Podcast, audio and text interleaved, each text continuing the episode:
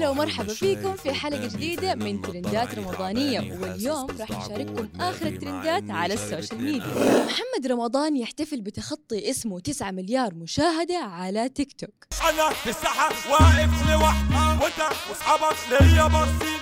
أنا؟ جمهوري واقف في ظهري. number 1 وانتوا عارفين. number 1 احتفل الفنان محمد رمضان مع متابعيه على مواقع التواصل الاجتماعي بتخطي اسمه حاجز التسعة مليار مشاهدة على تيك توك.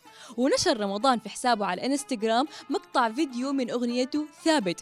صاحي ومش شايف قدامي فين النضارة؟ عيني تعباني حاسس بصداع جوه دماغي مع إني شارب اتنين قهوة. وقال معاه اولا الحمد لله إني أول فنان عربي هاشتاج اسمه يتخطى 9 مليار مشاهدة على تيك توك. وقال بعدها بطريقة كوميدية بس والله لو قالوا لي تختار مين غيرك يكون أول نجم عربي يوصل للرقم ده بصراحة حختاره لأني أحبه وأنا صغير وبحترم مشواره ومجهوداته ويستحق هذا عن جدارة. محمد رمضان اللي هو أنا برضه مطالبات بجزء ثاني وإشادات بكل أبطال كامل العدد.